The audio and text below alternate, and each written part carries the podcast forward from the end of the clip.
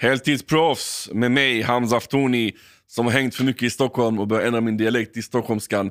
Jag ska gå tillbaka till mitt vanliga jag. Och det ska jag göra idag tillsammans med ingen mindre än Michel Tornéus. Tjo, hej. jag tänkte lägga skånska där också, men jag tänkte det är lika bra att inte göra det. Vet du vad, låt oss höra då. Säg, vad tänkte du lägga Ja, jag tänkte säga hallå, hur är läget? Det är bra. Ja, ja det är bra. Bra väder ute, det är blå himmel och sådär. har, har du hängt i Skåne? Ljusblå himmel är det kors. Nej, jag ska, nej. Ozzy, shoutout Ozzy. Shoutout Malmö Wave. Eh, jag har varit i Malmö en del, eh, tävlade mycket. Har tävlat där en del. Eh, nice stad, jag gillar Malmö faktiskt väldigt mycket. Bra falafel såklart. Eh, Lilla torget. Eh, sköna människor. Otroligt trevliga människor. Stockholm? Alltså jag är ju stockholmare, så Stockholm är hemma för mig. Måste rappa. Eh, exakt, exakt. Så att, eh, men det, det är nice. Jag gillar att åka runt i stan, eller i Stockholm och i hela Sverige ska jag säga. Eh, sen är alltid storstäderna alltid trevligast, alltså, där man känner sig lite mer hemma. Göteborg och Malmö såklart. Min vän ringde mig typ så här för en kvart sedan. Han bara, vad gör du? Jag bara, nej vi ska köra podden nu om en kvart. Han bara, med vem? Jag bara, med Michel Tornéus. Han bara, ah svär, walla. Han är en av väldigt få som har Jordan-kontrakt. Jag bara, okej hur fan vet du det? Han bara, nej men de är så få att man vet. Så vad gjorde dig så speciell att du landade den dealen? Säg så här, jag, jag, fick inget, jag hade ett Nike-kontrakt Mm. eh, som jag hade med mellan 2012, efter OS signade jag fram till, jag la av nu 2019, eh, så var jag signad med Nike. Eh, Mm. men det som hände mig var att jag, eh, jag träffade Tinker Hatfield som är liksom, är man sneakerkille så vet man vem Tinker Hatfield är. Det är han som har gjort Jordan 3 och uppåt. Liksom. Han har gjort alla de här Mm. galna skorna eh, och mycket annat för Nike. Och jag hade turen att träffa honom eh, på, av en slump i en lounge när vi skulle hem ifrån ett VM. Eh, vi snackade och han var skittrevlig och jag är värsta nörden så jag frågade han liksom tusen miljoner frågor. Eh, och det slutade med att han, eh, han kom sen, han, ja, vi snackade och så gick han och så kom han tillbaka, då han varit på toa, så han tagit en papperslapp, du vet. Eh, gjort sin autograf och så hade han ritat en så här, uh, typ längdhoppssko fast med Jordan. Eh, som jag fick. På plats eller?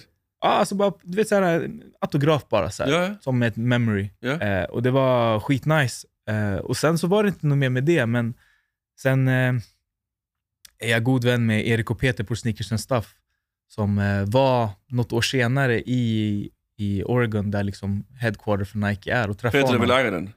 Förlåt? Peter är väl grundaren, ägaren va? Ja, precis. Ja. Ja. Mm. Eh, Så de var uppe, i, eh, de var uppe i, eh, i Oregon och träffade Tinker och så berättade han så ah, du träffade Michelle för ett år sedan och gjorde en sån här lapp och var skitnöjd. Mm. Och då fick det sig det, han bara fan jag ska göra en doja till honom. Så, här, så de gjorde en Jordan-sko till mig så här, exklusivt. Så att, Va? yes, så att de, de gjorde den i, i två exemplar faktiskt. Så att jag fick ett par och Michael Jordan fick det andra paret. Humble brag. Är det här någonting som allmänt folk vet? Är det här vi, har- vi får exclusive? Ah, jag har pratat om det någon gång, men det är inte så många som vet om det. Men de, de berättade, hans brorsa eh, Toby Hatfield höll på med dojan och göra den. Och Då var Jordan uppe i fabriken och kollade. Eh, och Så frågade han vad de gjorde och så berättade de så, ah, men vi gör en längdhoppssko. Då hade han bara, ah, fett, jag vill också ha en. Så Då gjorde de en åt han och en till mig. Så att det var ja, nice. Intervjun är klar. We're done. Let's everybody go home. Hejdå. Tack för idag. Ja. Shit, så på vilken nivå är du en sneakerhead liksom? Alltså har du en samling eller du Ja. gillar... Alltså jag, eh, jag har samlat sen jag var 17-18 år. Eh, sen har jag haft otroligt tur. Alltså jag har varit signad Mm. med eh, Puma först och sen med Nike och det har gjort att jag har kunnat du vet, Mm. få mycket hem. Eh, men jag har faktiskt trappat ner. Eh, du vet, jag blivit äldre, jag har barn. Ja, du vet, och sen så, det, så här, det tar plats. Mm. Vet, jag börjar bli mer så här, jag vill bara, nu jag bryr mig inte så mycket om hype. Nu är det så här, jag vill ha det jag tycker är nice, Mm. men eh, jag har skalat ner ganska mycket. Så nu jag börjar så här, du vet, trada kanske fem par mot ett par som jag verkligen vill ha. Så jag försöker Mm. så här, skala ner på det sättet. Så många par har du? Nu, Som mest? Vad har du haft som, som mest? mest, alltså det har varit tresiffrigt. Det har varit tresiffrigt. Men nu har jag skalat av ganska mycket av det. Gett bort mycket. Vad har du för skostorlek? Eh, 11. 11, 11, 11,5. Så jag har 45, 45,5. Så att, men jag har Och skalat bort. Jag har 46, Ja. men jag kan kapa bort Jag en kan ton du vill. jag, har en Ska vi kompis, trada jag och du? jag har en kompis som är likadan. Så jag vet, mycket vänner, kompisar, småsyskon, så att det, det brukar försvinna lite skor då och då. Men jag försöker trappa ner. Jag har blivit enklare nu med tiden. Du vet. Jag tänker inte så mycket nu. Det är så här, bekväma kläder, kör bara. Mm. Men det är inte därför du är här. Vi är inte här för dina sneakers, vi är inte här för Jordan. Vi är här för att snacka om, eh, om din karriär, om dig, om livet och lära känna dig helt enkelt. För de som inte vet vilken eh, sport eller gren du verkar inom, så är det längdhopp. Yes. Och då vill jag personligen veta, vad skiljer längdhopp och tresteg? Det är ganska mycket. Alltså längdhopp är ju egentligen bara ett hopp. Du springer fram och sen ska du hoppa så, Schmack. lång- så, lång, ja, exakt, Ja. så långt du kan på ett hopp. Mm. Tre steg, det säger sig själv. Du ska ta tre steg så långt du kan. Men de tar ändå sats. Ja, precis. precis. Men eh, man brukar säga att tre steg är en tuffare sport. Mm. Eh, du går in med en otrolig vikt. Liksom. Dina knän går sönder ganska lätt i tre steg. Eh, det är en konstig gren. Den är Mm. speciell. Den är nice, men den är konstig. Så vem kan hoppa längst på tre steg? Det är ganska onaturligt. I vanliga Ja. fall är det så vem som kan hoppa längst på ett hopp eller Mm. högst på ett hopp. Mm. Eh, så det är helt olika grenar fast de påminner om varandra. Hur, eh, man vill alltid veta liksom så här, vad är det som fick en att börja gå in på det. Hur började du med längdhopp? Alltså när jag var liten så alltså, jag- var aktiv som många andra. Mm. Det var på gården, det var brännboll, burken. Alltså man gjorde alla de här klassiska grejerna som man gör. Vi spelade mycket fotboll. Eh, så att jag höll på med allt. Eh, sen var det bara en slump. Jag hade en, eh, en kompis, en granne till mig som eh, sk- dro, alltid drog med mig på så grejer. Du vet, när hon skulle gå och testa något så var jag med. Mm. Eh, och en gång var det friidrott. Vi åkte iväg, vi fick testa. Eh, jag tyckte det var fett roligt. Mm. Eh, vi fick eh, hoppa höjd, jag tror det var höjd, 40 meter och typ kula. Och efter så frågade de så här, vill du börja? Mm. Och då var jag så ja, jag börjar. Alltså jag visste inte hur jag skulle börja på andra sporter, Mm. så hur ska jag börja på fotboll? Och jag kommer från ganska enkla förhållanden. Eh, så friidrott var en ganska nice gren och morsan pushade ändå också. Hon visste Mm. här, okej jag behöver bara ge honom ett par shorts, t-shirt och ett par skor som man ändå kan ha i skolan, så Ja. det är lugnt, kör. Ja, ja. Så att hon pushade liksom in mig eh, när jag var sju år gammal. Sen var jag där. Så jag gjorde allt. Testade att springa, hoppa, kasta eh, och gjorde egentligen allt fram tills jag var 17-18 år. Sen Mm. började jag liksom specialisera mig på längdhopp. För att jag, jag har antecknat att första SM-guldet tog du 2005. Yes. Hur gammal var du då? 19. 19. Så det tog dig, från att du satsade ganska seriöst på en gren, tog det dig ett år Ja. innan du tog ditt första SM-guld. ja. Jag var ganska duktig som junior. Eh, Mm. Jag gjorde, när jag egentligen började satsa så här, okej det är ändå längdhopp jag ska gå mot, då var jag 17. Då var vi på ungdoms-OS eh, och jag kom sexa. Och då var det ändå så här, okej det här är nog grenen jag ska lägga lite mer fokus på än de Mm. andra. Men jag fortsatte ändå köra de andra grenarna ett, två år till innan det verkligen var så "Ajt, det är det här som gäller. Vilka var de? Jag satsade på, jag sprang 400 häck, Mm. 300 häck gillade jag. Eh, hoppade lite höjd, eh, körde lite kort häck, så här 110 meter häck också. Mm. Så att jag, tre steg, körde allt. Så du kunde ha ändå också gått på mångkampshållet va? Ja, precis. Jag testade lite mångkamp också, eh, men ja, det var för många grenar som jag inte var bra på. Mm. Men jag tror att från början var nog tanken kanske att jag skulle hoppa höjd eller tre steg. Längd var nog kanske inte det som man riktigt trodde skulle bli min gren. Mm. I den här podcasten Michel, så Mm. har jag lite lappar som eh, ja, de hjälper mig och de hjälper dig att eh, komma in på olika ämnen och vi kan landa precis vad som helst. Ja. Så det är inga jobbiga ämnen, men Okej. det är ämnen som man vill höra när Ja. man intervjuar någon. Ja. Så lapparna ligger precis här. ja, Så bara ta en. bara ta en. Spännande. Vi tar den där då. Sociala medier. Ja, Yes. alltså du slutade vara så 2019. Yes. Så då har du ändå haft the wave av att starta sociala medier för att hypa dig själv liksom, förstår du? Get those better sponsorships och bättre deals, eller? Alltså jag ska säga, jag är helt ärlig. Jag, jag startade mitt konto 2013, Mm. så jag var lite sen på bollen. Eh, och sen när jag var aktiv så, vet, jag, min hjärna var såhär, jag har inte tid med det här. Mm. Jag hade ett konto, jag la upp vet, lite, lite då och då, men jag har eh, kanske förstått mer nu i efterhand betydelsen av sociala medier. Ehm, Vad har du fått, fått för lärdomar? Vad har du förstått? Nej, men just det där att, eh, att eh, det är ett sätt att liksom eh, kunna göra business. Mm. Innan var jag så här, du vet, för mig det var så här, du vet, idrott är intressant för mig. Jag är inte intresserad av följare, likes. Du vet. Jag är en vuxen man, jag har, jag har två barn, jag har en sambo sedan 14 år tillbaka. Det är så här, sociala medier är inte så intressant för mig eh, på så sätt. Men jag har även förstått hur viktigt det är i andra sammanhang att ha det. När jag går in och ska ha ett möte, tyvärr, så här, även som aktiv, så här, jag vänder på det istället så här. När jag var aktiv så var jag väldigt anti sociala medier. För mig var det så här, du vet, när, jag, när jag ska gå in för, eh, om jag ska gå in till ett företag och vi ska ha ett samarbete, då blev jag störd, otroligt störd när de frågade mig hur många följare du har. För, för mig var det så här, det här är irrelevant. Om det är en produkt som jag kan stå bakom som idrottsperson och säga, vi säger att det är en, att det är en sportdryck då, bara Mm. för att jag som idrottare kan backa upp och säga så här, den här sport, sportdrycken tror jag på för att jag kan bevisa att man kan prestera när man dricker den. Mm.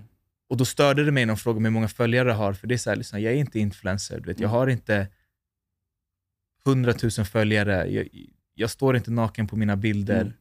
och får de här likesen, Mm. men jag har, de som följer mig är på riktigt intresserade av, Av det här. exakt. Därför kan jag stå bakom den här produkten. Mm. Så för mig var det väldigt så här, i början att jag, jag vill inte ha med sociala medier att göra.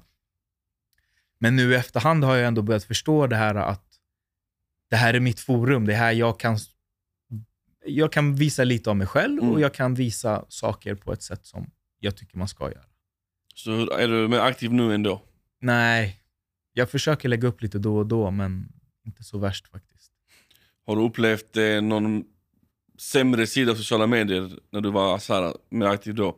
Kommentarer eller DMs av folk? Absolut, så är det ju. Eh, det är både, det, alltså, det är så här, jag brukar säga det är 99% positivt och det är 1% negativt. Sen är ju problemet att den där 1% är oftast den som fastnar. Exakt.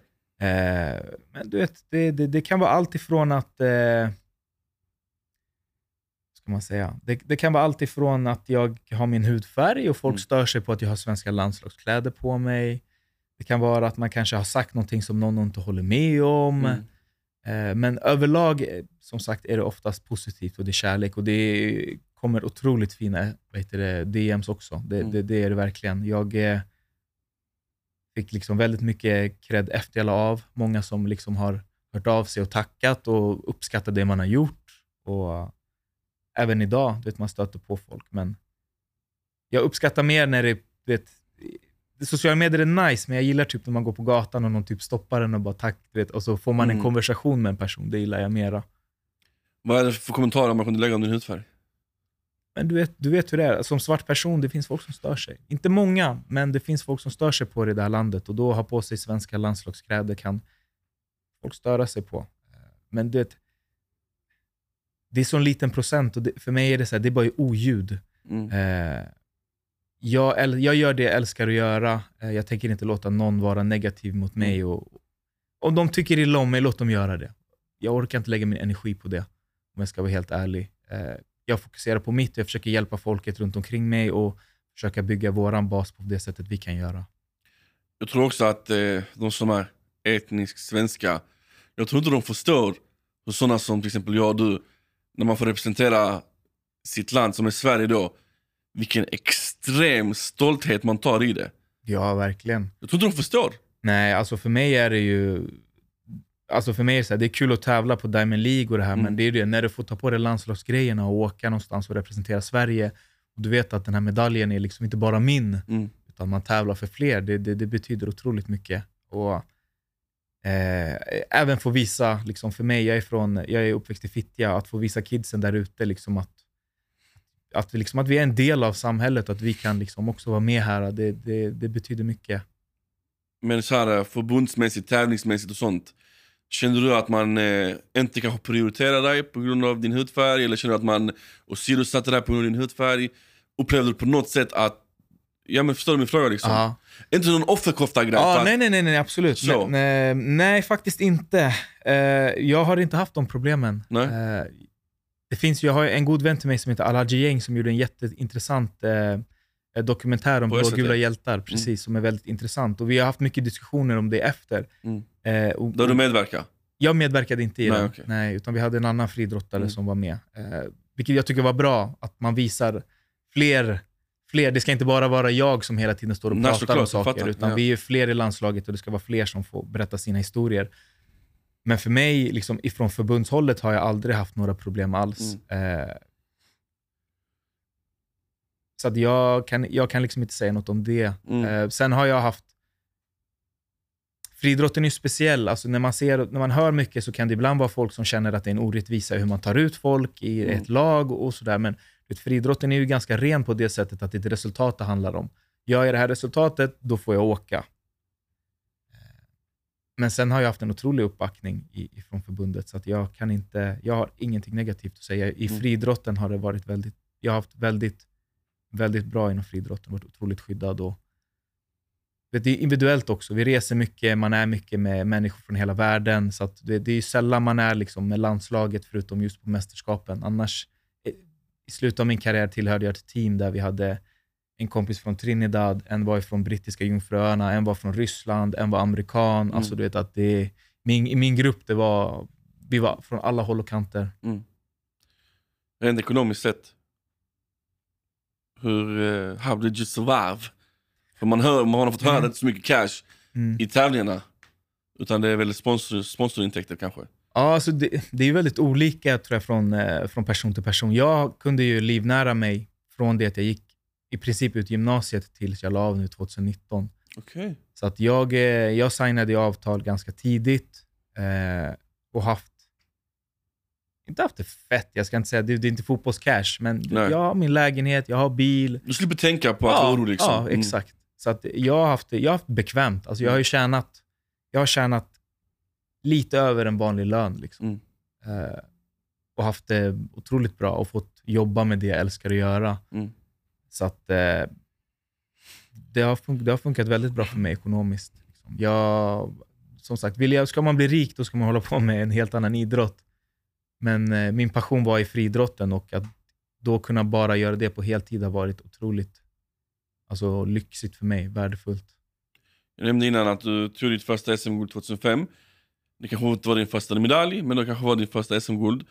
Och så skrev jag på sms till dig, bara, du kan inte ta med dig en, en medalj som betyder någonting för dig. Mm? Och jag vet fortfarande inte vilken det är. Nej. Eh, så jag sa, låt oss få the live reaction. Ja. Eh, så ta gärna fram den här medaljen Okej, du har med okej, dig. okej. Och så vill jag gärna höra... Uff, jag Ja. blir inte- Ja, det- jag får alltid gräva. Du jag är sån här person, när jag, jag har ingenting framme. Alltså, Ja. När jag var aktiv var jag så väldigt mycket, jag stoppade en låda, glömde, gå vidare. Eh, så att jag fick gräva lite, men jag tog med den här.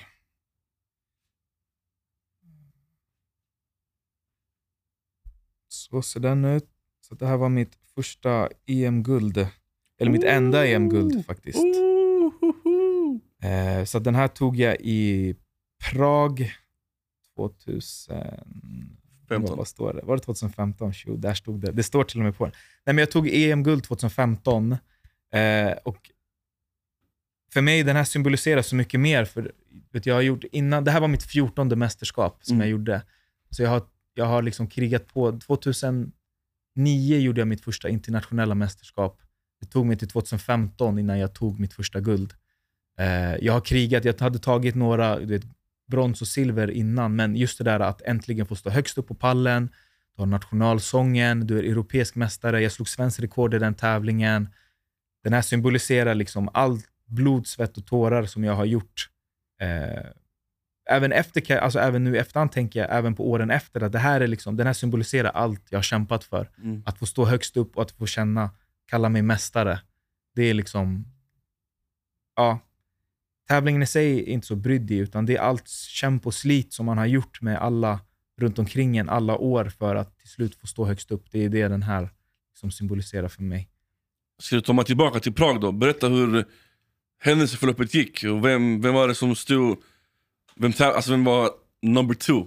Alltså det var, Prag var ju jättespeciellt för jag, hade, jag var i väldigt bra form eh, innan mästerskapet.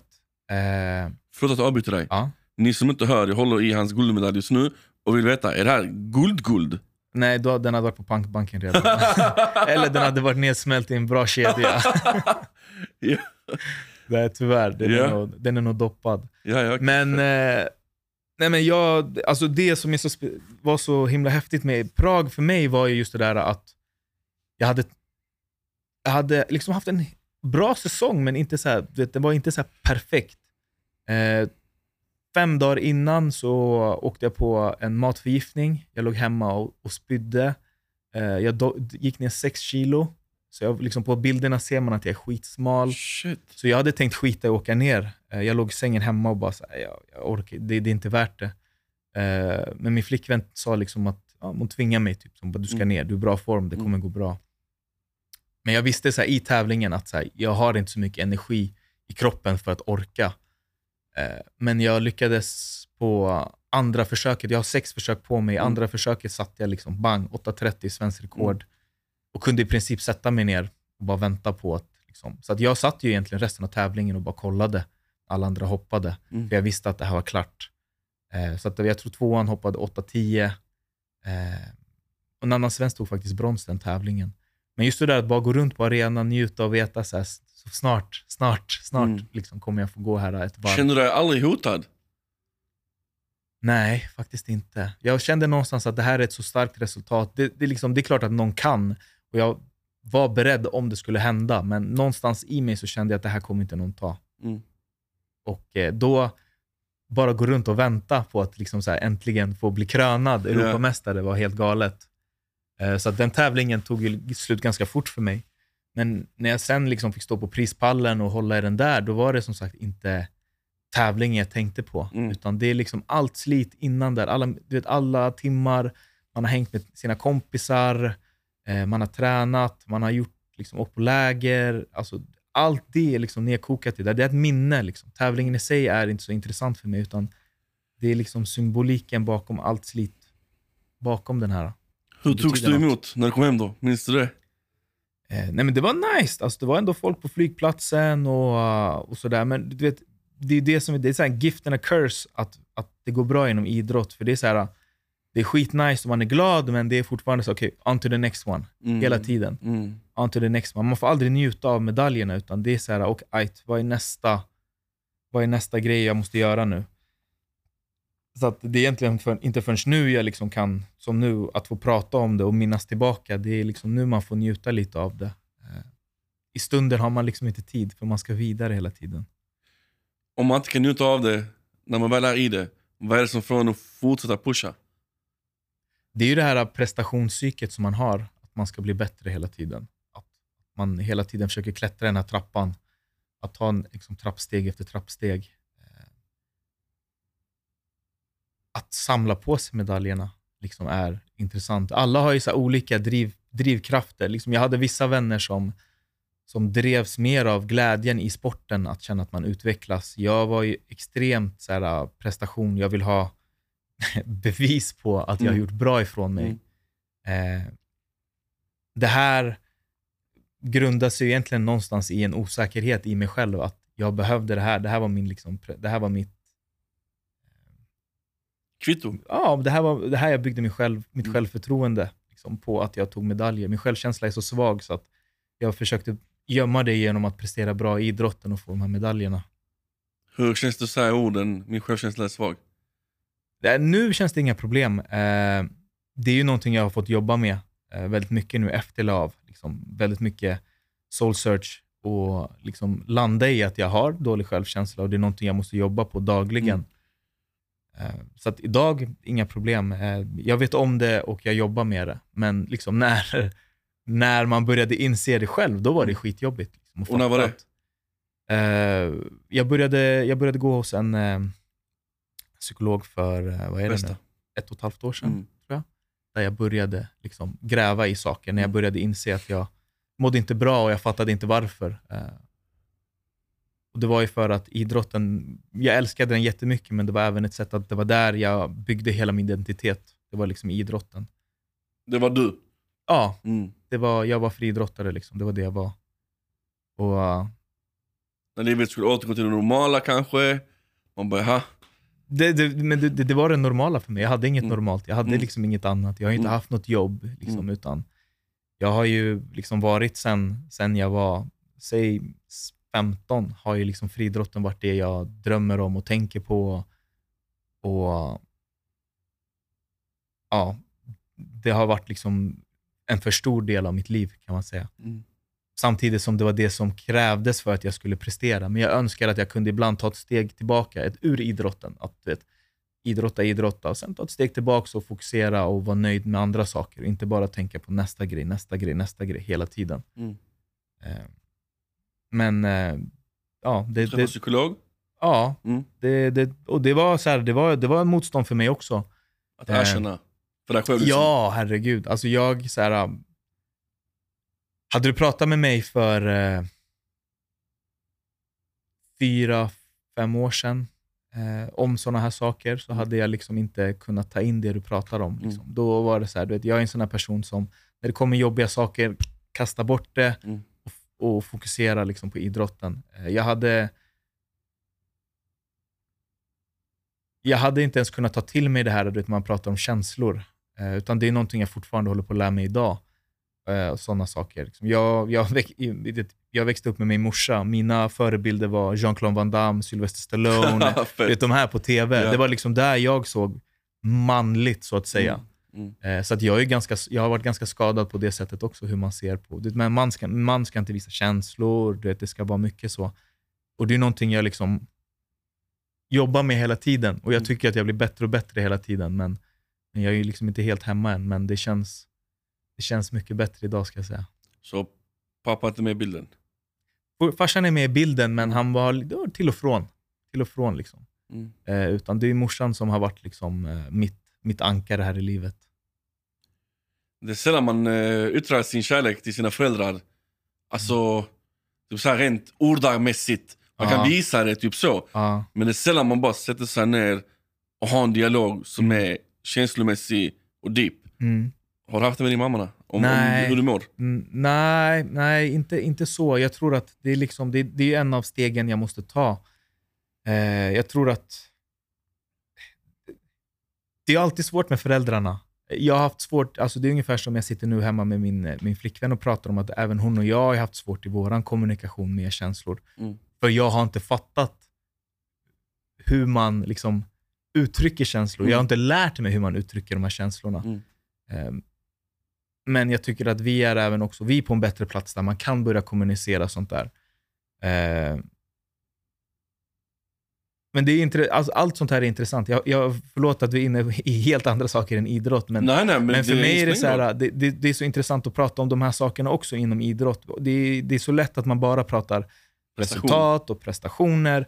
Och, och jag är i en plats nu där jag försöker liksom se det här andra också. Att inte bara värdera mig efter att fan vad bra jag är, jag tog den här. Mm. Utan liksom försöka känna att även om jag inte hade tagit den här så är jag fortfarande en bra människa med bra värderingar Mm. som är snäll mot, mot, mot folk och försöker liksom vara res, respektabel mot alla människor och snäll och trevlig. Eh, och inte lägga så mycket värde vid den här. Då. Mm. Eh, så typ. Jag, eh, vi, har, vi har gjort par avsnitt av den här Mm. podden. Och jag kan nog säga att det finns nog inte en enda individ vi intervjuat som inte har haft något, jag vill inte säga ett problem, men vi säger har haft issues Mm. med sin psykiska hälsa. Mm. Eh, Så det är så mycket mer vanligare än vad vi tror. Och även om vi har ett öppnande klimat idag så känner jag fortfarande inte att vi är där vi borde vara. Ja. Håller du med? ja, alltså jag tror att Alltså, som idrottare, du är ju lika mänsklig som alla andra. Jag tror Mm. bara att idrottare är bättre på att pusha bort det. Alltså knuffa det åt sidan. Eh, för att man är högpresterare och man har liksom inte tid att gå ner i det. Eh, så att ungefär som nu när man kollar på OS, eh, så var det ju liksom en sak som var på tapeten med Osaka och, och, några till där. Att Naomi, ja. Ja. Tennisspelaren. vissa är bättre på att liksom prata om det. Det är fortfarande lite skam i det. Mm. Eh, men för många är det också så här, du vet att jag har inte tid för det här nu. Alltså du vet så här, du, du har förberett dig för ett OS i fyra, nu till och med, de gjorde det i fem år. Då är det så här, jag har inte tid för att må dåligt nu, jag måste pusha bort det, jag får Mm. ta tag i det sen. Mm. Problemet är att man vet, Stacking it up. ja, men du, du trycker ner Ja, det bara, trycker ner det, trycker ner det och till slut kommer det komma upp. Mm. Eh, så jag skulle säga att det är ganska vanligt, men jag tycker också att det är bra att det kommit upp på tapeten så att man även kan känna att oftast hör vi alltid, vi pratar om idrottspsykologer, pratar Mm. vi om. Hur ska man prestera bättre? Men Mm. vi behöver, jag tror många skulle behöva en, en, en, en eh, Coach, livscoach typ. Ja, coach, alltså ja. en livscoach, en psykolog som pratar om andra saker än bara idrotten hela tiden. Mm. Vi pratar mycket om så, men hur ska jag hitta knep för att kunna slappna av i pressade situationer. Istället för att prata om så här, hur ska jag hitta, eh, hur ska jag kunna slappna av när jag kommer hem Mm. efter en träning? Hur ska jag lära mig att varva ner? Hur ska jag eh, lära mig att hantera andra situationer som uppstår i vardagen och inte bara prata om idrott och fokusera på hur man kan bli bättre i idrotten. Hur kan jag bli bättre på liksom, ja, att vara personen? Hur kan jag bli bättre på att vara Michelle utan idrotten? Där är vi liksom inte riktigt i, i eh, där- det pratar vi inte riktigt om i idrotten tycker jag. Men väl nog på väg dit snart. Jag känns hoppas det, det, som. jag Jag hoppas det. det också. Du la av 2019. Ja. Men eh, your hips didn't lie. När du var med i Let's Dance. yes. Eh, vunnit Mästarnas Mästare. Vad händer härnäst för Michel Tornéus i, i nöjesvärlden? Eh, jag vet faktiskt inte. Eh, jag försöker hålla dörrarna öppna. Mm.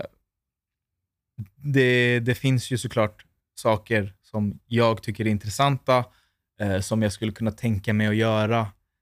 Eh, men jag försöker, nu försöker jag bara fokusera på, jag jobbar ju liksom ett, ett vanligt jobb just nu. Jag jobbar som PR-konsult Mm. eh, och tycker det är ganska lärorikt och vill lära mig mer där. Eh, sen får man se, den här nöjesgrejen är någonting jag gör på sidan av så för att få växa som människa och utmana mig själv. Mm. Alltså Let's Dance är ju liksom, jag är ingen dansare. Mm. Om du och jag skulle gå ut här på, på klubben så kommer du inte se mig på dansgolvet. Men det här kändes som en, när jag fick frågan så kände jag att det här är en sån utmaning att få se nya sidor hos mig själv. Kan jag uttrycka mig i dans? Alltså kan jag uttrycka saker? Eh, kan jag göra någonting utan att bara vara så prestationsmänniska och Mm. våga gå in i någonting och vara avslappnad och ha kul? Och Det finns några sådana liksom, grejer som finns kvar som jag skulle vilja göra, men jag tror att om jag skulle få bestämma själv så är jag nog kanske lite mer inne i att kanske börja kolla lite mer på programledarrollen snarare än att Jag Våra väntade på det svaret deltagare. faktiskt. Ja. Ja. Eh, det känns som att det, det, det finns någonting som jag tycker är mer spännande där än att bara vara med och tävla hela tiden. Mm. För jag har tävlat tillräckligt i mitt liv. Jag vill liksom göra något annat, utmana mig på andra sätt. Typ bara vara själv. Ja, bara mig själv. Exakt, Mm. exakt så. Eh, sen finns det några program som jag tycker är roliga, som jag skulle kunna tänka mig. Mm. Men sen så skulle jag kanske vilja testa nya format. Alltså finns det något nytt program där jag skulle få gå in och vara mig själv och kunna, ja, vad det nu än är. Antingen att folk tävlar i programmet eller kanske en intervjuserie där jag får Mm. träffa vissa människor. Det, det, det återstår att se, men Mm. jag, eh, jag tycker att det är en rolig bransch och jag gillar liksom tv. Eh, så jag skulle definitivt vilja göra mer sånt. Eh, hur är det att se sig själv på tv i efterhand när man dansar? Eh, det, är inte så, alltså det är inte så farligt, för jag tror, att jag, jag tror att mitt problem är att jag analyserar ju dansen precis som jag gjorde med idrott. Jag är ju van att se mig själv liksom, göra rörelser. Så att jag vet inte hur många gånger jag sett mig själv hoppa längdhopp. Mm. Så att, att se mig dansa, då, står, då är jag ju mer så typ, ah, där, jag skulle ha varit lite mer där, Mm. det där var bra, lite mer hållning där. Alltså jag analyserar så. Mm. Eh, men det är klart att det, är ju, det känns ju jättekonstigt typ, när döttrarna slänger på det ibland liksom, och vill titta. Så är det ju Hur gamla är de? eh, sju och tre. Då är det ändå så här kul att kolla med dem. Men det är ändå så här, shit, fan, det där är jag. Ja. Det känns lite galet, så är det ju. Så är det, att det är så här, ja, det känns sjukt. Det känns faktiskt galet. Vad önskar du för dina döttrar? Alltså egentligen att de får göra det de älskar att göra. Sen vad det är, det, det är liksom inte så, så intressant, eller det är inte så viktigt för mig. Liksom. Min äldsta dotter, skulle hon komma hem och säga att hon vill bli tatuerare, det så. om det är din passion, Go. kör. Mm. Alltså jag backar det till 110 procent. Eh, är det idrott, det är klart att det skulle göra det extra roligt för mig som Mm. jag älskar idrott, men jag vill bara att de ska göra det de blir glada och, och lyckliga av. Sen får vi se vart det går. Nu försöker jag bara introducera så mycket som möjligt åt dem. Eh, min äldsta har eh, liksom dansat en termin, hon har simmat, eh, hon eh, gick i Kramaga förra terminen, hon går den igen nu. Eh, ja, alltså du vet, de får testa allt. Liksom. Vi, vi ska testa lite judo nu.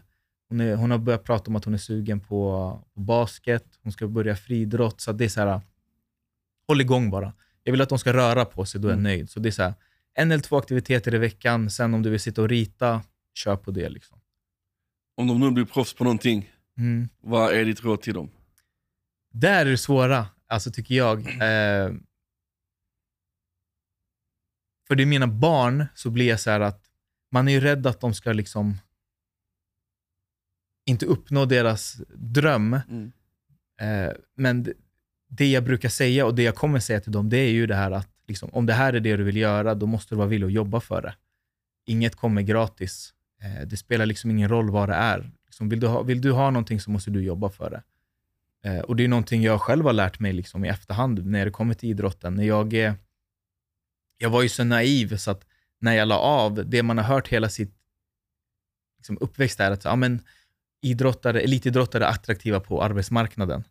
Nope. Det har jag hört. Liksom. Ja. Och då tänkte jag så här, fan, jag har ju varit ganska bra i idrott, så att, Mm. eh, det kommer vara folk som ringer och vill erbjuda mig jobb. Mm. Det är inte någon som ringer. Liksom. Eh, utan man måste ut där själv och, och vill jag ha någonting så måste jag jobba för det. Mm.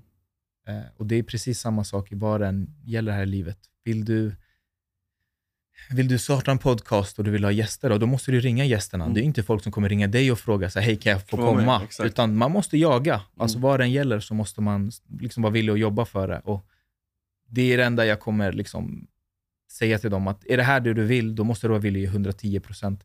Jag kommer vara med och pusha till en viss, viss del, men jag kan inte vara den som tjatar på det hela tiden, Mm. att du ska gå upp och göra det. Vi säger att hon vill bli maratonlöpare.